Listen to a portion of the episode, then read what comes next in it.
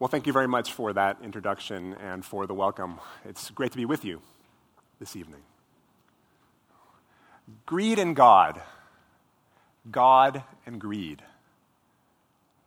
What on earth do these terms have to do with one another? On one hand, we might be tempted to set a strong dichotomy and to keep these ideas at arm's length.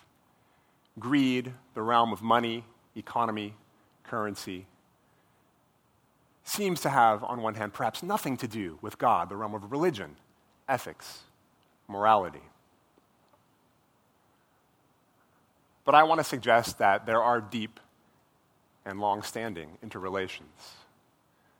Often, when I talk about my work, so for example, if I'm traveling somewhere and I'm sitting on an airplane and happen to get into a conversation with a stranger next to me and they ask me about my work, and I say, Well, I, I research religion and economics or uh, religion and money, I, I get two common responses.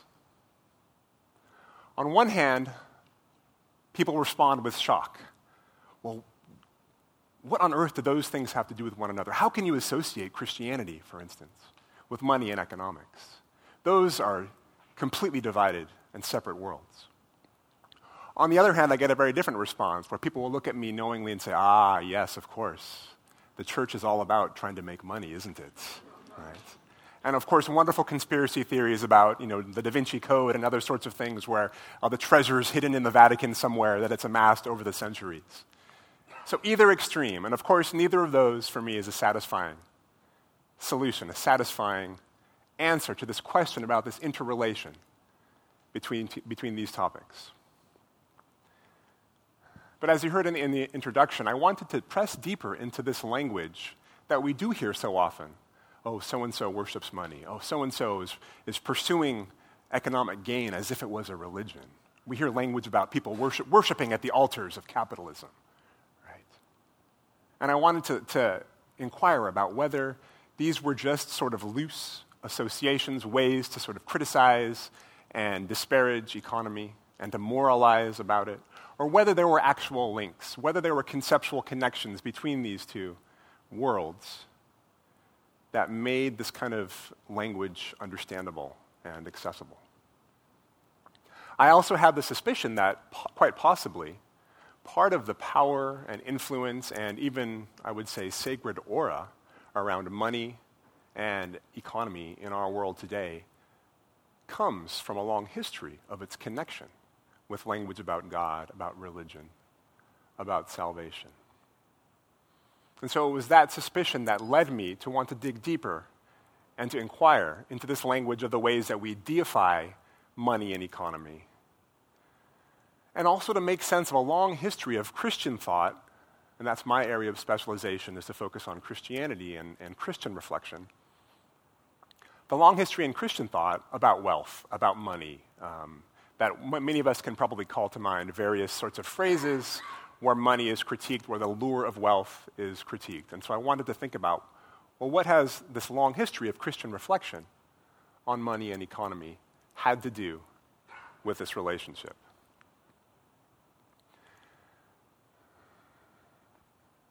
So, as I mentioned, it, it's, it is common to speak about this tendency that we find.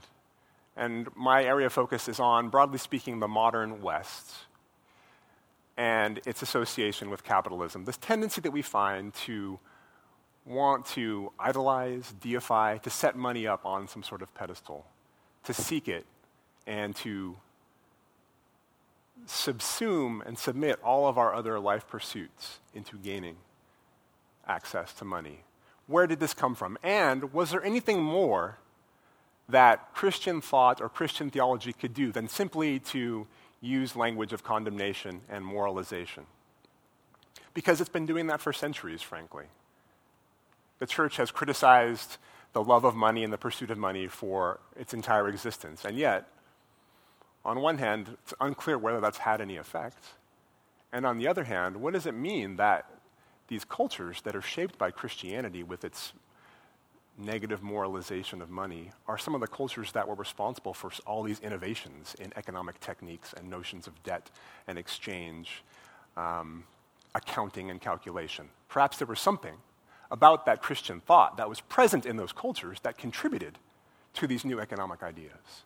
What did it mean that the church was always resistant, for instance, to usury, to lending of money at interest, and yet those communities developed ideas of the mortgage and certain types of loans and exchanges that were innovations that made capitalism explode and take off around the world. What do we do with those tensions? And does money then have some sort of sacred aura or intrinsic appeal? So, on one hand, we have the negative moralization we find in religion.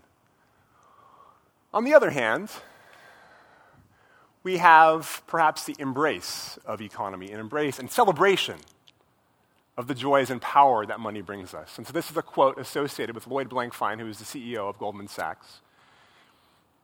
And this is attributed to him sometime in 2009, just after the financial crisis, when, of course, Wall Street is under all sorts of criticism for its practices, and there is a desire to find regulations and to get to the heart of what is rotten, what is rotten there in the financial services sector. And of course, he responds with, with, a, with a claim like this We're doing God's work.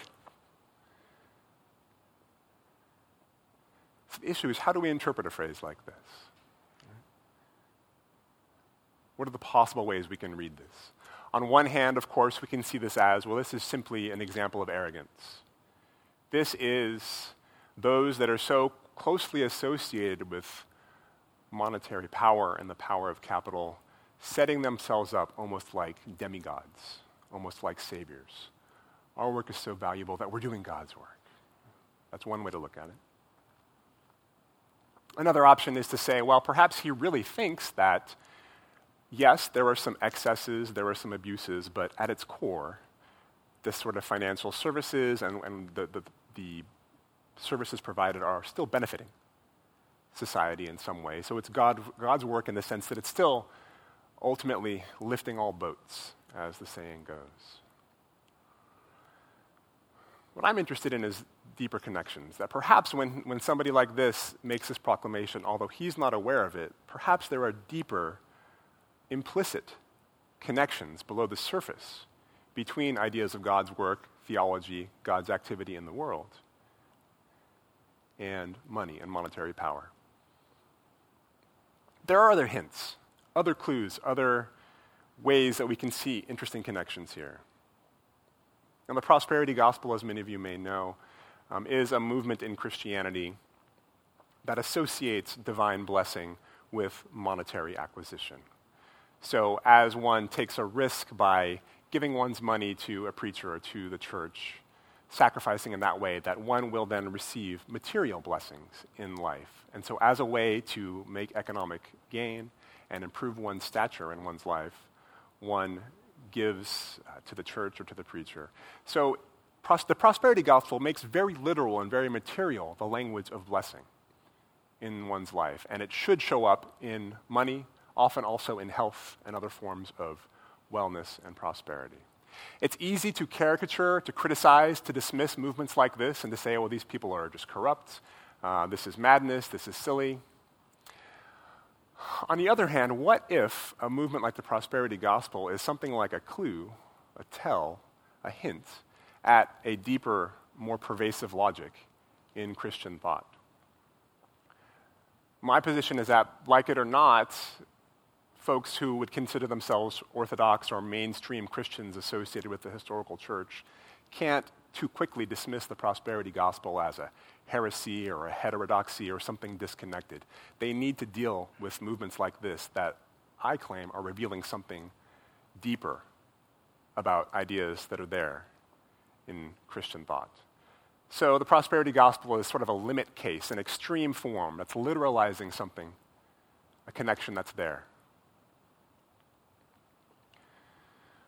One of the ways that I enter into this conversation can be summarized by a well known book with which I'm sure many of you are familiar by Max Weber, the German sociologist, about the Protestant ethic and the spirit of capitalism.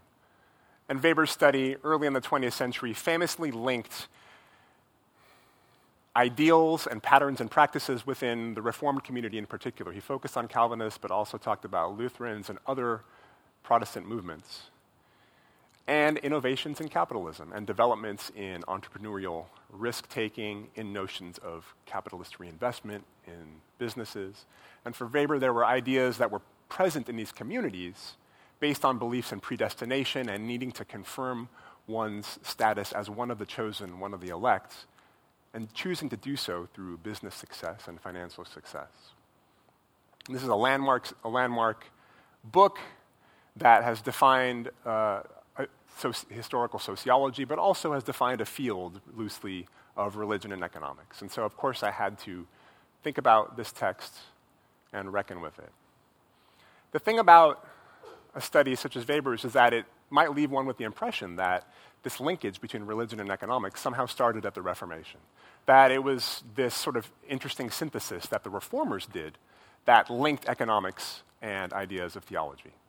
And often that's a way in which it's interpreted that folks will say, well, depending on your perspective on capitalism, you'll say, oh, it all went downhill with the reformers, and it's their fault that we are in the secular modern capitalist West. Or if you're a fan of capitalism, then you might say, well, it's thanks to the reformers that we have this new opening to the possibility of growth and development. And yet, what I wanted to show is that the links and connections that Weber points out were there for centuries that ideas latent in Christian thought using language of economy, value, exchange, credit, debt, had been there in what I call the Christian imaginary, this set of ideas and practices persisting for centuries. And the reformers did something new with it. There were some innovations. And yet those connections were there. And so I wanted to go deeper, to go into deeper history, to go into more ancient history, and to find these connections for me, I find that the study of ancient history is often very helpful in challenging our assumptions about what's standard or normal. It can disrupt our frame of reference for the present, provide us with new answers, new insights, new ways to think about our world today, and also gives us a longer sense of a genealogy of where these ideas come from and why we think the way we do today, why the institutions we inhabit function the way they do today, and how that may have been shaped by centuries of ideas and practices from an ancient time. I was also interested in challenging a notion that I have found in theological studies and in Christian thought to take the period of time that I studied, which I call, which is called the patristic period, the period of the early so-called church fathers. Uh, we're speaking about the 300s through the 600s or 700s, r- roughly, in the Common Era that this period is often set up on a pedestal as the time of pure theology, pure doctrine, when all the, the foundational ideas of Christianity were being developed, and we had these councils like Nicaea and Chalcedon that formalized these ideas and made them authoritative. I wanted to challenge this, this idea that this was pristine and pure and untainted or unaffected by culture, and to show how, in particular in this time, there is a diversity of ideas there is conflict and contention between different points of doctrine, as is known, but also that culture, including economy, including notions of value and exchange, was permeating theology, shaping theology, and giving these theologians words and concepts to use as they develop their doctrine. So that even then, there is no so called pure theology, theology somehow floating above the rest of the world apart from culture and, and economy. But even then, economics is, is operative and affecting the formation of these ideas. So tonight I want to talk about just three, and these are ideas that I explore in my book, and I'm going to summarize them for you. But three central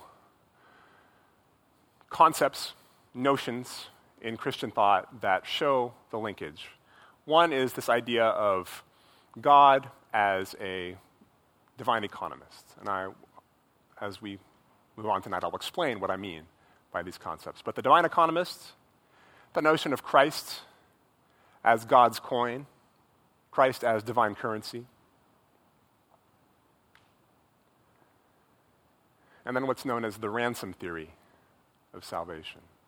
So there are a variety of, there, there are hundreds of possible points that one could enter into looking at early Christian thought and the presence of economics there. And these are three that I chose because they're influential, because they remain central in the church's own theological development. And they show, in my opinion, very clearly the linkage between economic language, metaphors, words, and theological language, metaphors, words. such that concepts from economy are borrowed and used in, economic, in theological arguments to prove certain points and to construct certain images of what God is like and how God interacts with the world and with humankind.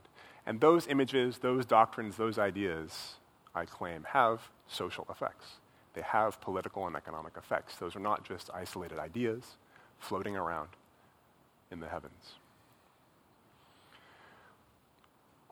Eusebius of Caesarea is one theologian that I take some time to consider. He was influential in the development of early doctrine, was one of was considered the father of church history, wrote one of the first influential narratives of the history of the church, defining it from the perspective of God's hand of providence orchestrating events in the world. He is also much maligned, much criticized, often church historians and theologians want to dismiss Eusebius because of his embarrassing um, enthusiasm for Constantine, the first Christian emperor. And that political association, um, the, the, church has found embarrassing, although I, I claim it's not, Eusebius is not actually unique in that regard. Um, we can find that example among many theologians in various periods, and uh, again, it, that is us importing back our own sorts of suspicions about the interrelation between religion and politics. And then somebody like Eusebius is dismissed to, to say, oh, he can't be a serious theologian because he's too enthusiastic about Christian empire or about Constantine as the first Christian emperor. And we need to wrestle and grapple with those connections and deal with them as problematic as they, might be, as they may be. Because Eusebius is so convinced that Constantine is God's chosen, he can look to Constantine, to this emperor, and his actions, and use that as almost a mirror to imagine what God is like and how God acts. And conversely, Eusebius imagines that God is blessing and orchestrating and arranging everything that Constantine is doing and accomplishing as he sets out to consolidate the Roman Empire at this period and establish formally for the first time in history Christianity as the state religion. So this is a massive time of transition in the early church and in um, early history of the West. Eusebius is also concerned, as many Greek thinkers were, with tyranny, with unjust rule and leadership. And one of these concerns was about the abuse of wealth and resources. That the tyrant, and this you can find this in Aristotle and Plato as well, the tyrant is often concerned for personal gain, uses his political power to amass wealth for himself, or uses his own wealth to overturn and undermine the political institutions of the day. And for Eusebius, Constantine couldn't be a tyrant, of course, because he's already God's chosen, but also his use of wealth, his use of resources, the generosity that he had supposedly showed, became then proof that Constantine was chosen by God and was anti tyrannical. So, as Eusebius reflects on Constantine, he creates what I think of as a template for Christian imperial rule. And this becomes almost like a, a set of implicit assumptions about what good Christian emperors should do. And this is passed down in various forms over the centuries in the West. There's something important about looking at somebody like Eusebius because we find here some of the origins of the links I'm talking about, but also the influence on further thinkers and further leaders as Christian institutions develop in what becomes Europe and Western Europe in particular. So, the divine economist is a way of speaking about divine providence. And I have up here an image um, which, which allegorizes this. And this was painted um, as you see here, um, in Rome as an allegory of divine providence. And we won't spend any time necessarily analyzing this, but what's interesting to me about this is that speaking of God as a, as a, as a divine economist or a divine financial administrator was one of the ways that Eusebius spoke of divine providence. And by providence, again, we mean God's control and management of the world and management of world history. So Eusebius portrays and uses language of a financial manager, a financial steward, somebody overseeing accounts, somebody taking from a treasury and sending resources to different parts of the kingdom as a way to describe how God oversees the world. And the Logos, in particular, which for Eusebius is in place of understanding the Son, God the Son, is this delegated administrator, a steward or an oikonomos in the Greek that manages the resources of creation. And God is depicted in this way as a, as a steward, as a money manager, as an accountant.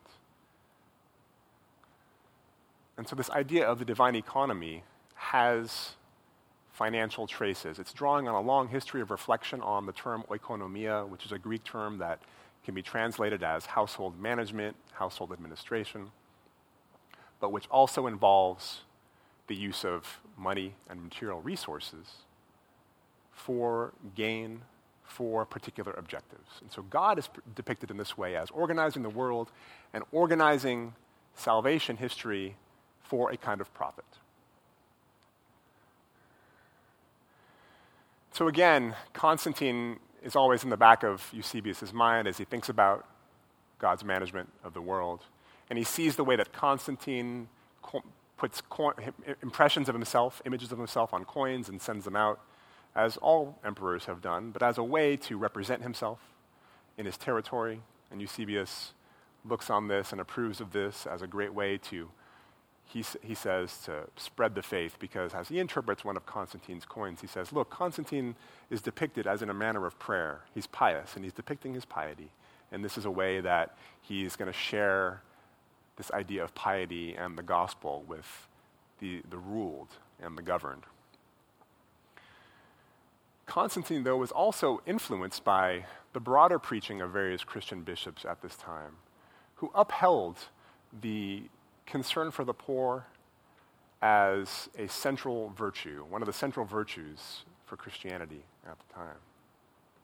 Prior to this, historians note that most leaders of cities and most emperors were not concerned with caring for the poor, but were concerned with caring for their citizens. That the citizen non citizen divide was much more significant as a technique or technology of rule than the, than the rich and poor divide.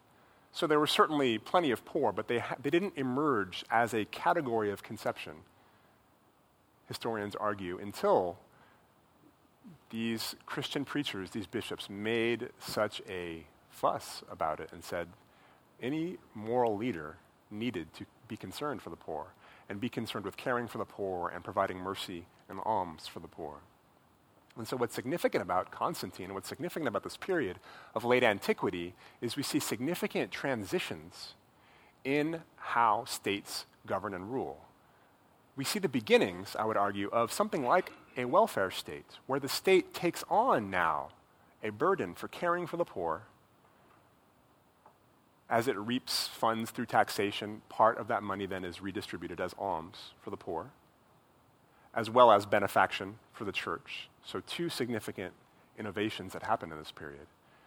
But the idea that we often take for granted today of states as caring for their citizens um, beyond just sort of the basics, but trying to nurture the biopolitics of their lives to shape how they develop, to shape their education and their health. These are things that we take for granted uh, as what good modern nation states should do.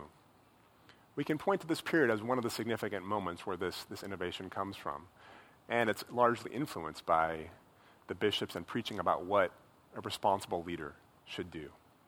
So, my point in this is that Eusebian ideas of a, of a divine economist, of a righteous resource manager, here get translated into concrete practice through these new institutions. So, this is one way that theology, which could perhaps remain, again, up in the clouds, detached from the world, gets translated and materialized in society and starts a political legacy in the West in terms of what good states and what good leaders should do and what it means for them to benefit and care for and pastor and shepherd their citizens. so that is one notion of the divine economist and its political impact. I want to switch now and think a little bit about coins. We're in the realm of numismatics and of coin minting and coin creation here. So, this is a, this is a quote from Tertullian, another early thinker in the Christian church. And what he's responding to here is a well known and much discussed passage in the Gospels where the Pharisees seek to challenge Jesus. They bring him a coin. They ask him, hey, should we pay taxes or not? They're trying to trap him to get him to say either yes or no, which, and both those answers in that case are actually problematic. And you see, and Jesus gives this cryptic response. He asks, you know, bring me a coin whose face is on it. Oh, it's Caesar's face. And he says, well, render to Caesar what is Caesar's, and to God what is God's. This passage has perplexed and continues to perplex interpreters. There are a variety of interpretations of what this might mean, what this is about. And this is part of what Tertullian contributes to this conversation. And there's a whole tradition emerging out of this that agrees that, well, what's important here is that, yes, we have these coins, and sure, we'll pay taxes, we'll give them to Caesar. That's not significant, that doesn't matter. Yes, those belong to Caesar, so sure, we'll give them to him. But what's more important is the idea that humans now somehow are like Caesar's coins, and that they should be given back to God. So, what might that mean, and what is that about, right?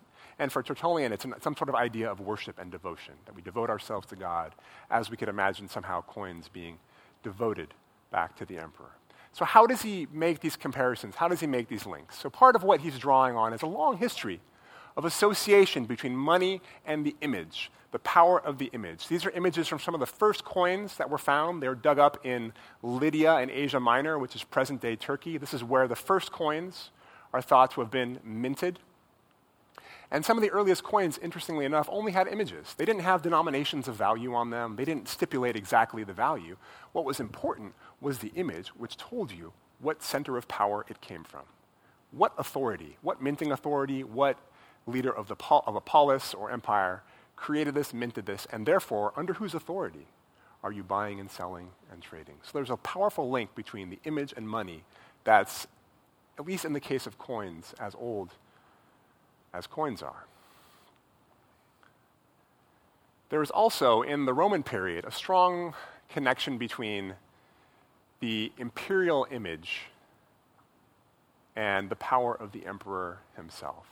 So, in in the period of the Roman Empire, obviously the emperor was the highest authority, but obviously also could not be present everywhere to oversee the functionings of interactions, politics, transactions. And so a deep ideology was created of the imperial image, the power that the image had, whether in the case of statues, little figurines, or even coins with the head of the emperor, that wherever that image was, the emperor was present. So, if you wanted to undergo some sort of contract and you wanted to swear an oath and make this a very binding and, and very somber situation, an image of the emperor would be there looking down upon this, blessing this, ratifying this as an official formal transaction. If you wanted, for example, to seek political asylum, obviously the best, and, and, and to flee persecution from somebody else, Ideally, of course, you would find the emperor and grab hold of his ankle in symbolic submission to the emperor to say, protect me. Obviously, nobody has access to the emperor and the emperor's body itself, right? So you could go to a statue and lay hold of the ankle of a statue and claim asylum and, and I, say, I claim the protection of the emperor here, whatever sort of punishment is coming, you know, we need to stop this and you know, seek other kinds of action. You could hold onto a coin and do the same thing. Similarly, whatever you did with these, say, these coins, for example, were taken as acts committed against the emperor. So, for example, if you had a coin in your pocket and went into a uh, toilet, technically, you could be charged with profaning the image of the emperor. You could be charged with treason. So, if you really hated your neighbor, somebody you didn't like, you could accuse them of this, and if they were found with a coin in their pocket at a public toilet, technically, they could be charged with treason because they have profaned the image of the emperor. That's how close this connection between the imperial image and statue, or in this case, the coin, was. It was invested with that power. So that provides some conceptual backdrop as we think about how it is that these Christian thinkers are beginning to make links between humans and God. And so, what I want to suggest is that there was a theology of humans being minted in God's image, like coins. So, on one hand, we find lots of, lots of language about the Son of God, and we're speaking in a Trinitarian sense of the Father, Son, and Spirit, that the Son was the perfect image of the Father, imaging the Father for all eternity. And out of that, when we speak of humans made in the imago Dei, the image of God, they're made in the image of the Son. So, numismatically, spoken of in terms of coining, Humans are these blank coins, a fresh coin that is then hammered and stamped with a particular image. And that image, in this case, is the Son of God. And so that provides the conceptual link. So that a thinker like Augustine can say something like the humans are God's coins with intelligence and a kind of life. In the same way that Coins are stamped with the image of the emperor and represent the emperor throughout his territory. Humans also have been stamped with the image of God, their king, their emperor in heaven. And so humans have a certain kind of worth, a certain kind of value, and should reflect their origins, where they come from as being created by God. So already there, we have an interesting monetary numismatic link between humans and coins, which may strike us as odd. It's very common today in our contemporary discourse to want to distance financialization from human value, right? It's often scandalous to suggest that we can put a monetary price on a human life. We want to speak about human life as being infinite, as being non quantifiable, as being somehow um, exceeding the terms of calculation. And yet, here we find this interesting suggestion that humans are linked with coins, that humans are monetized in some way. And again, we can read this as troubling or problematic or not, depending on your interpretation of the actual impact that these ideas have. But I, I, argue that we can move from there, from the idea of humans as coins, to the idea of Christ as God's coin as well. So, this is how the logic works.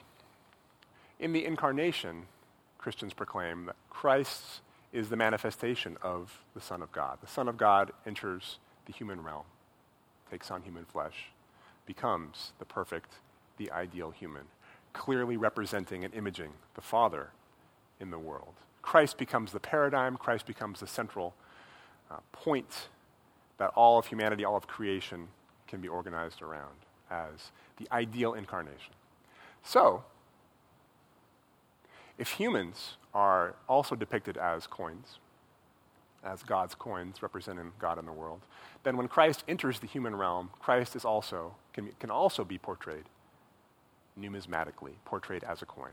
The ideal coin, the perfect coin, the coin of ideal purity and weight, untainted, the coin that sets the standards, that sets the accounts correct, that all other matters can be judged by, and set into conversation with.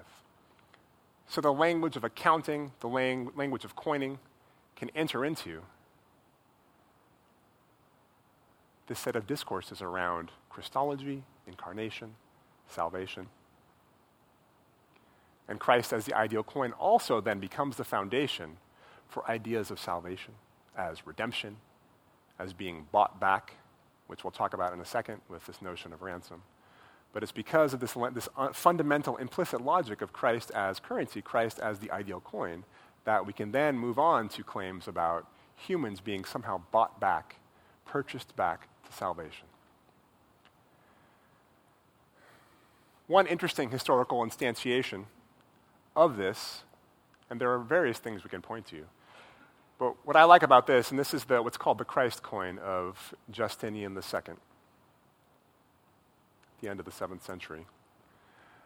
This is the first time that the actual face, the icon, the image of Christ is put on a coin. Certainly, we had examples previously of crosses put on coins as an effort under Constantine to Christianize money. But this is an interesting watershed moment where the icons of Christ that have been circulating and used for worship, this one image of Christ is used and imprinted and put on the coin. And I, I argue that part of why this is even possible, why one would even think about doing this and make this somehow a normal imperial practice is this centuries of thinking and speaking about Christ as currency, Christ as the ideal coin.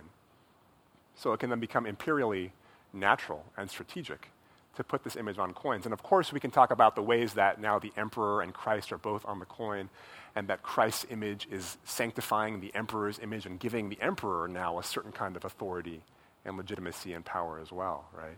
So it becomes politically useful, it becomes politically powerful as well to use this language and this theology of Christ as currency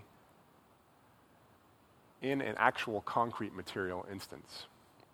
And these images would be circulating around the empire, showing Christ's image and showing the emperor's image and uniting them implicitly together.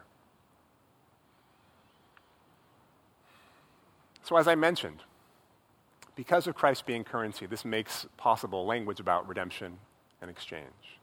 So, ransom theory is an umbrella term for a variety of th- theories that emerge in the early church to try to explain well, okay, what did Jesus come to do?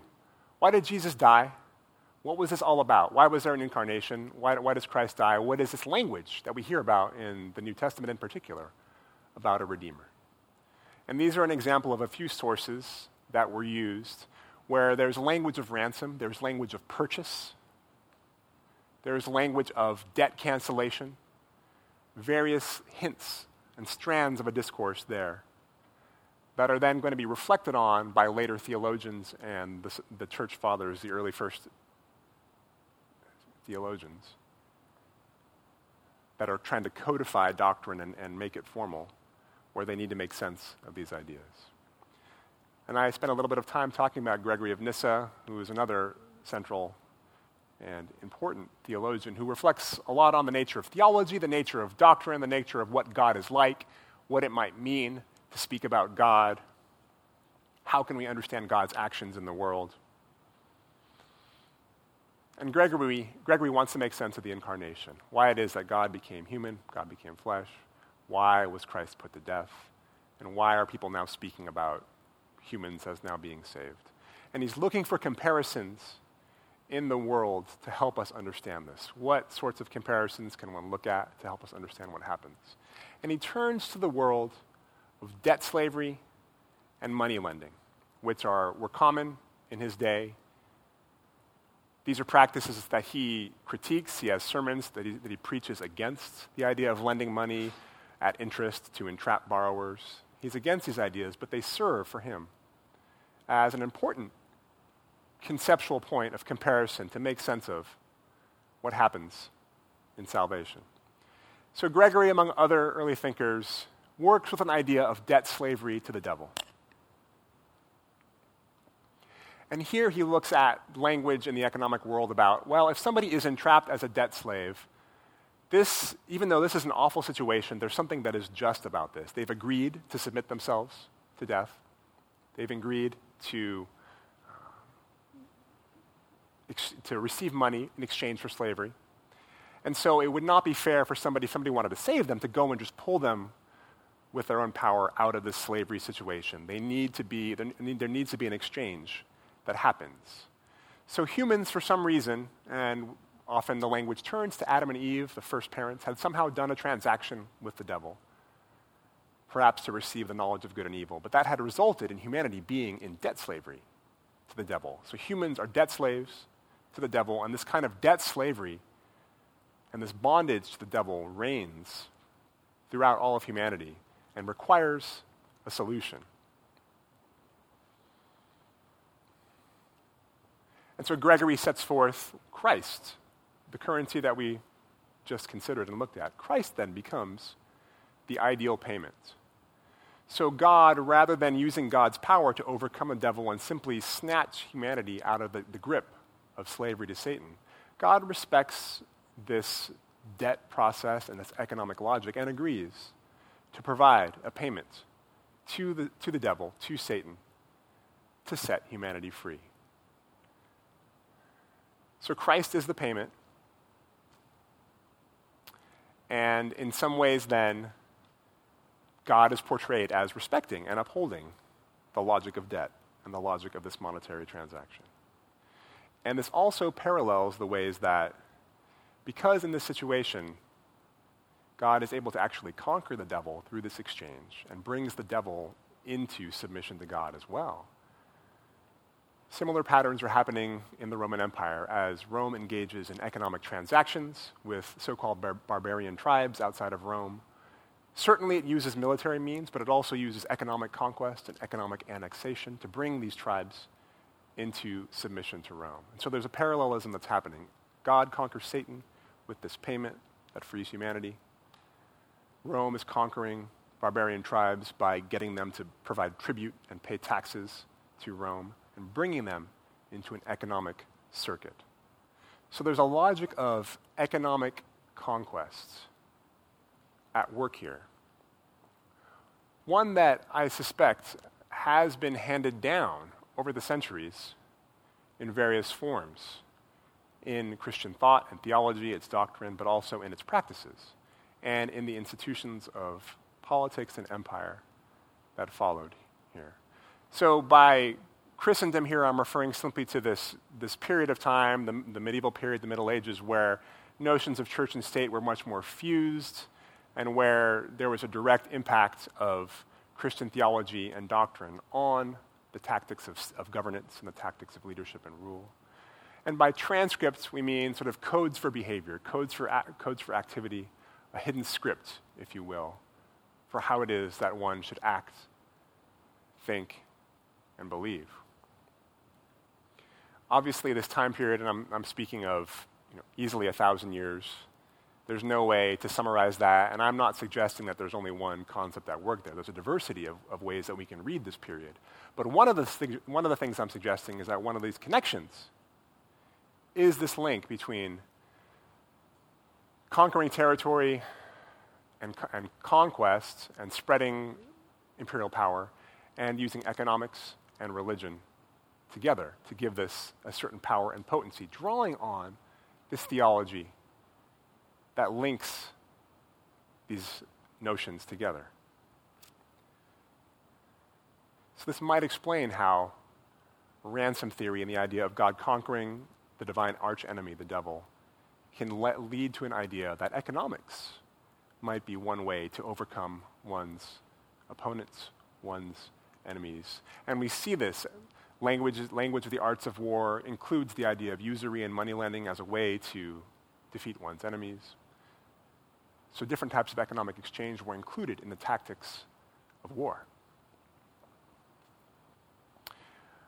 I want to talk briefly about one early modern link. And again, there are a number of potential examples, a number of potential ways that this may have been handed down. An easy one to go to is the notion of the invisible hand, associated most often with Adam Smith, who, in his early theorizations of the market, speaks about the market self correcting, and the, and the notion that individual self interested and selfish actions will still accumulate to the net benefit and the net good of the society. He speaks of an invisible hand that orchestrates these things. So that even if I'm pursuing my own profit and, and selfishly pursuing my own gain, that self interest is somehow still going to accumulate to the good of everybody else. And it's the language of the invisible hand that, for Smith, sort of comes in as almost a savior, a conceptual savior, to make sense of this and to make this possible. Historians of the period note that there, there are debates happening during the Scottish Enlightenment when Smith is writing about how God governs the world. How exactly is creation functioning? We know this is a time period when deism emerges as an idea, and this is the notion that God has set the world into motion and created these laws, these scientific physical laws that we can observe, but that God has now stepped back uh, and that the world is sort of self governing. But it was still from God that these, that these laws emerged. There are debates about providence, thinking back again to this idea of the divine economist. There are debates about how God manages the world. And so one can see, and connect, others have done this and made the connections, that in the background of Smith's theorizing of how the market might somehow miraculously always reach equilibrium are assumptions about a supreme being with intelligence that ensures that the world will continue to function in the right ways. So economists such as Smith transferred notions of physical, predictable laws in the cosmos to the market and to society, and to say that the market now can be construed as a mini cosmos that has its laws that are predictable and governed, and that they're self governed, just the way that, that God had designed the cosmos and created the universe. And many economists today will continue to, to debate the notion of equilibrium. Equilibrium has technically never been observed, it remains a theory. Um, and economists debate whether it actually merits being such a central theory uh, in economic theory, of whether the, this idea that markets will eventually always correct and balance each other out. Many see that as a kind of implicit theology, a faith claim that economists make, uh, that markets will always self correct and improve, and again, benefit everyone in the long run, even though they seem to be, doing all kinds of damage in the short run. There's also a, perhaps a troubling link to our colonial history in the West and ideas of development and salvation. So, what do I mean by that? So, probably most of us have heard, and it's, it's, it never ceases to be repeated, that colonialism and the missionary movement went hand in hand. That as missionaries went out to proclaim the gospel, colonists accompanied them. Often they were the same person, right? And that arriving in a new territory to, to, to proclaim to somebody their need to know of the save, saving message of Christ also came with extracting resources, subjugating peoples, taking land, creating private property, and whatnot. And there, there are ways that we can read this, some optimistic, some cynical. But what I think my inquiry shows is that these are two sides of the same coin. Because there is this economic logic to salvation theories, because the early church was theorizing that, well, one of the ways we are saved is through this actual economic transaction where humans are bought back from death and from the devil, that again, centuries later, and in, in subtle ways, I'm, again, I'm not pr- proposing a linear one to one correspondence, but as those ideas simmer and percolate and are, are in the imagination of cultures for centuries, one application of that is this kind of economic conquest in the name of the Savior, economic conquest in the name of salvation. So that even today, we have the language of the inevitability of capitalism, that capitalism is the only o- option or it's the best option and that developing countries just need to get on board, and in, in doing so, they will somehow be saved. And so capitalism and economic development is given a kind of sacred aura and a salvific, redemptive aura, partly, I suggest, because of this long standing link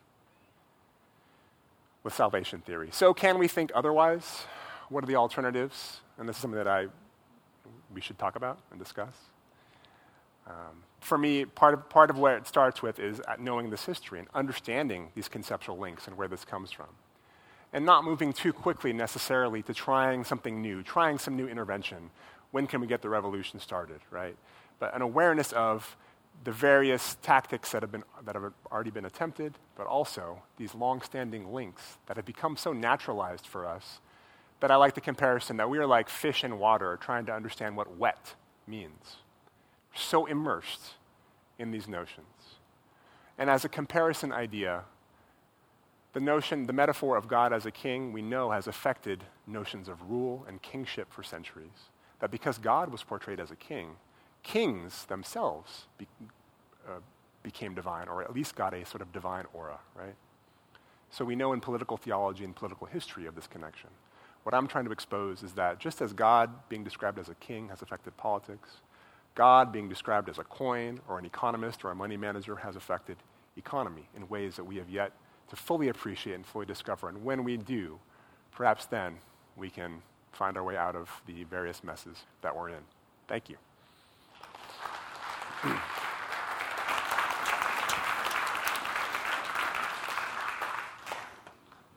Thank you so much. Please have a seat. I think you've given us a lot of food for thought. and what I have forgotten to say in my introduction is that there will, of course, also be time for your own questions. I will start with a few and then I will give the floor to you. Let's just for my own understanding, let's start with the beginning.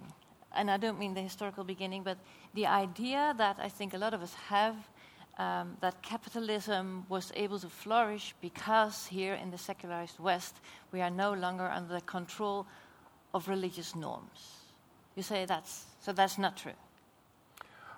I wouldn't say that's not true, but I would say that it's that we deceive ourselves if we think that we have somehow broken free from theological influences. Mm-hmm. Um, and mm-hmm. this is a debate about secularization, what exactly secularization means. Mm-hmm. And there are some that, that would construe secularization as a kind of theology uh, and the secular as a kind of implicit theology. And I think a good case can be made that we can look at examples where theology s- still seems to be having influence, even in places where nobody uh, would ever claim that they have a religious identity. And of course, this is. This Can you is give an example? Well, this is, I mean, this is Max Weber's idea with the iron cage. So, so his famous notion is that the Puritans have created for us this iron cage where their commitment to a certain kind of capitalist practice was based on their ideas of um, proving their, their, their stat status as saved.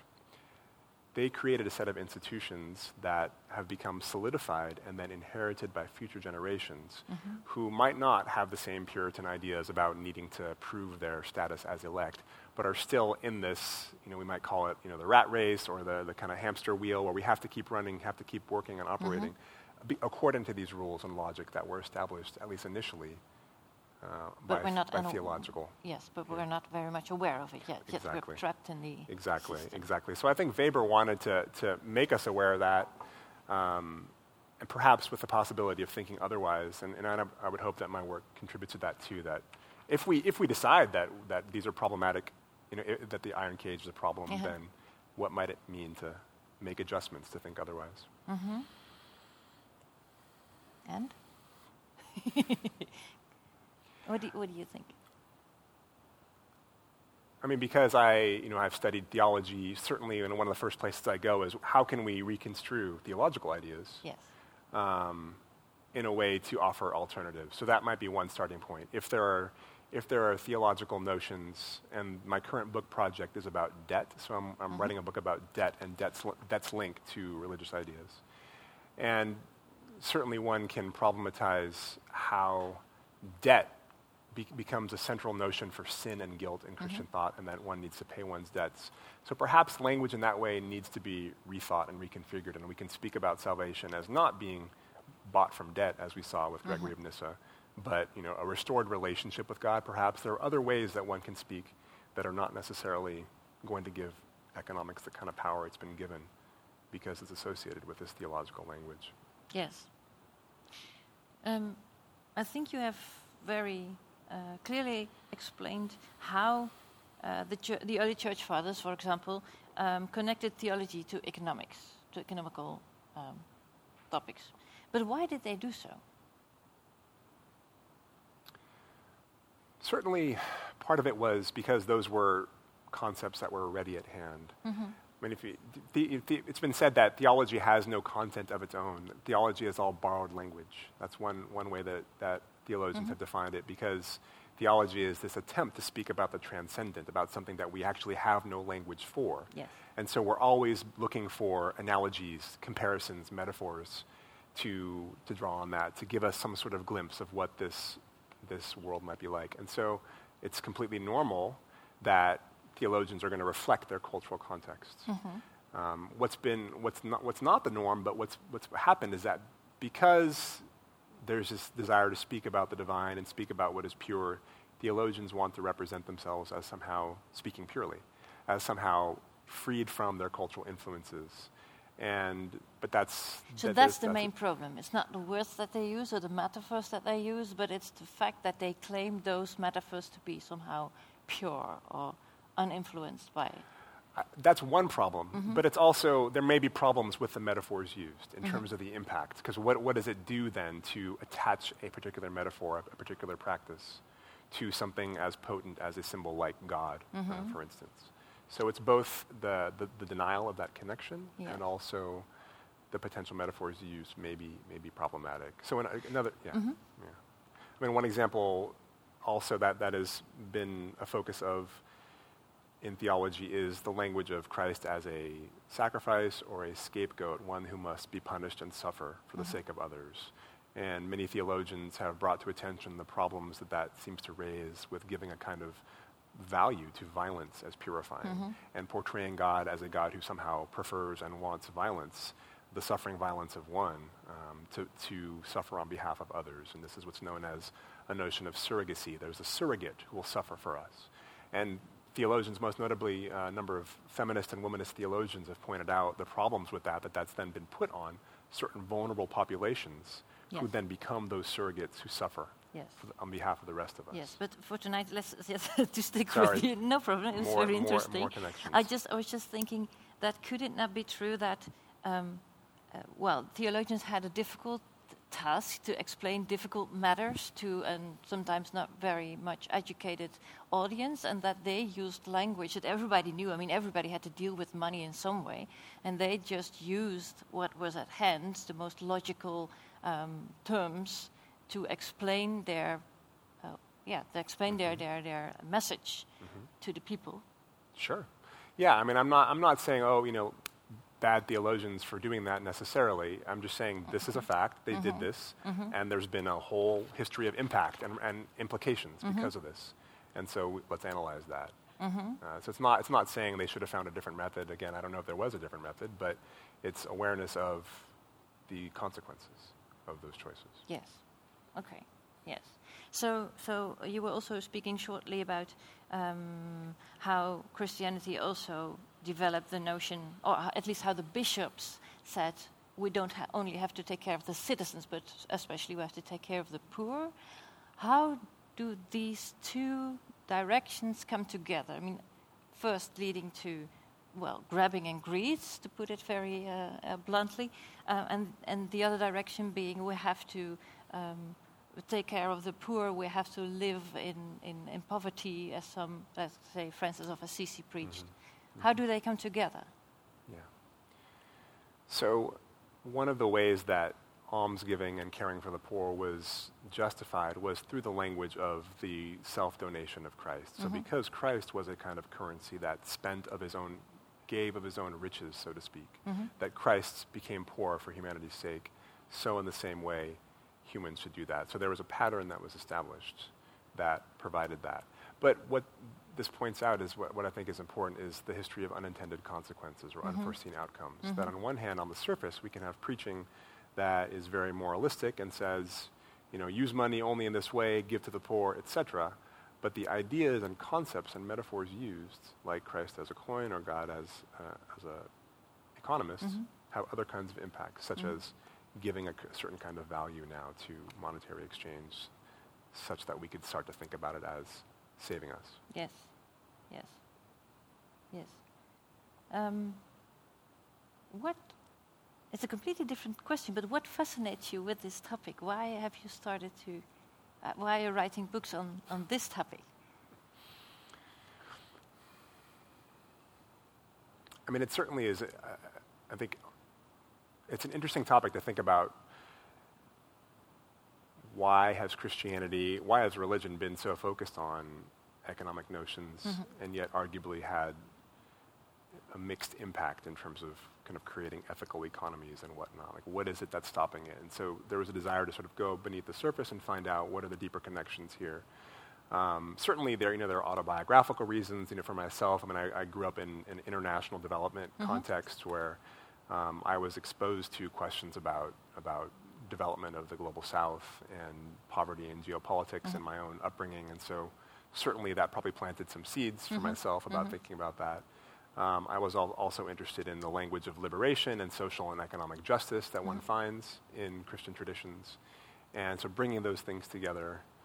Um, and I also find money just a conceptually fascinating topic. I mean, even to this day, nobody can agree on what money is and, and why it works and how it does.